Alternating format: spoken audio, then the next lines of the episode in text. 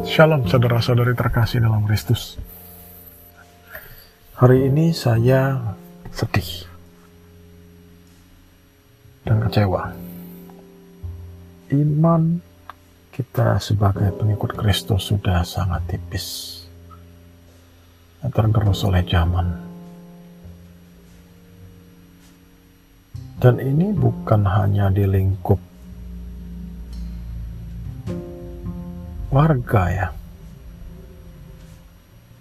Tapi juga sudah mencapai level imam. Salah seorang dari tetanggaku meninggal karena corona. Di akhir hayatnya beliau meminta sakramen perminyakan kudus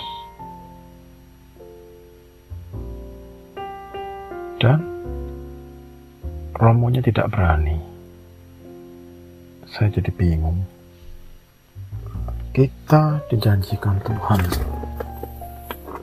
di kitab Mazmur 23 ya.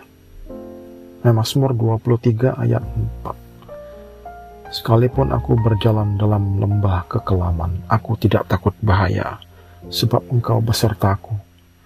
Gadamu dan tongkatmu itulah yang menghibur aku. Kalau dalam bahasa Inggris lebih ekstrim lagi. Ya, though I walk through the valley of the shadow of death, I will fear no evil, for you are with me. Your rod and your staff, they comfort me. Janji Tuhan gitu loh, untuk melindungi kita walaupun di tengah situasi yang sangat berbahaya, lembah kekelaman, kematian, di bawah bayang-bayang kematian lebih ekstrim lagi di ayat 9, uh, di Mazmur 91. Anda boleh baca Mazmur 91 dari dari ayat 1 sampai 16 itu isi semua perlindungan Tuhan kepada manusia. Yang saya ingin tangkat secara spesifik di ayat 6 karena ini tepat sekali dengan kondisi sekarang yang wabah ya.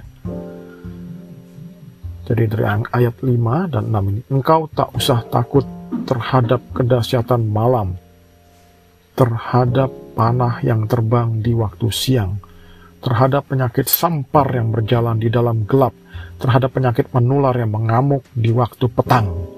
Nah, di ayat 7 akan saya lanjutkan ya sampai selesai. Nah, walau seribu orang rebah di sisimu dan sepuluh ribu di sebelah kananmu, tetapi itu tidak akan menimpamu Engkau hanya menontonnya dengan matamu sendiri dan melihat pembalasan terhadap orang-orang fasik. Sebab Tuhan ialah tempat perlindunganmu. Yang maha tinggi telah kau buat tempat perteduhanmu. Malapetaka tidak akan menimpa kamu. Dan tulah tidak akan mendekat, mendekat kepada kemahmu. Sebab malaikat-malaikatnya akan diperintahkannya kepadamu untuk menjaga engkau di segala jalanmu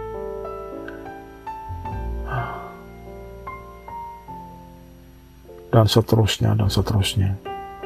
Janji perlindungan Tuhan. Kalau ada argumen yang mengatakan, ya tapi almarhum bisa terkena penyakit juga dan meninggal. Itu sudah waktunya, oke? Okay? Misteri waktu hidup kita. Saya juga tidak tahu kapan saya akan dipanggil.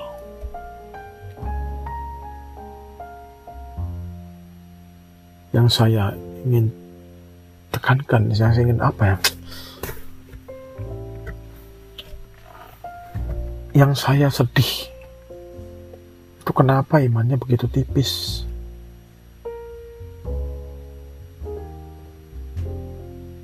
Ingat Tuhan kita Tuhan Israel. Israel itu artinya dia yang bergulat dengan Tuhan ya. Struggle bergelut berpegangan.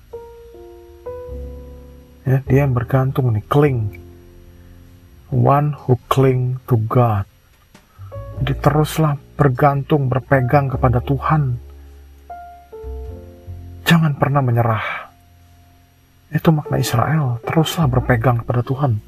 Jangan pernah menyerah.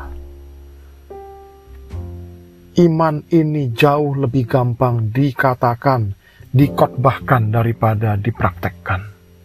Pada akhirnya saya cuma bisa membagikan pesan ini. Jujur, saya tidak punya kuasa untuk memberikan sakramen atau apa pun. Karena itu saya nggak bisa ikut. Kalau diizinkan saya sudah berangkat.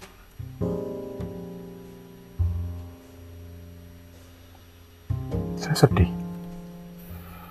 Yang saya sedihkan itu mengapa seorang imam yang seharusnya lebih paham ya akan konsekuensi untuk menjadi pengikut Kristus. Kok begini ya?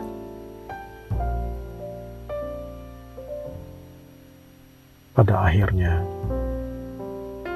kita semua diingatkan oleh Bunda Maria dengan imannya yang sempurna tersebut. Aku ini hamba Tuhan, terjadilah padaku menurut perkataanmu. Saya rasa itu merupakan statement pernyataan iman yang paling sempurna.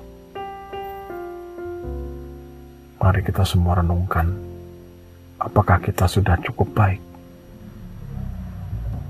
sebagai pengikut Kristus.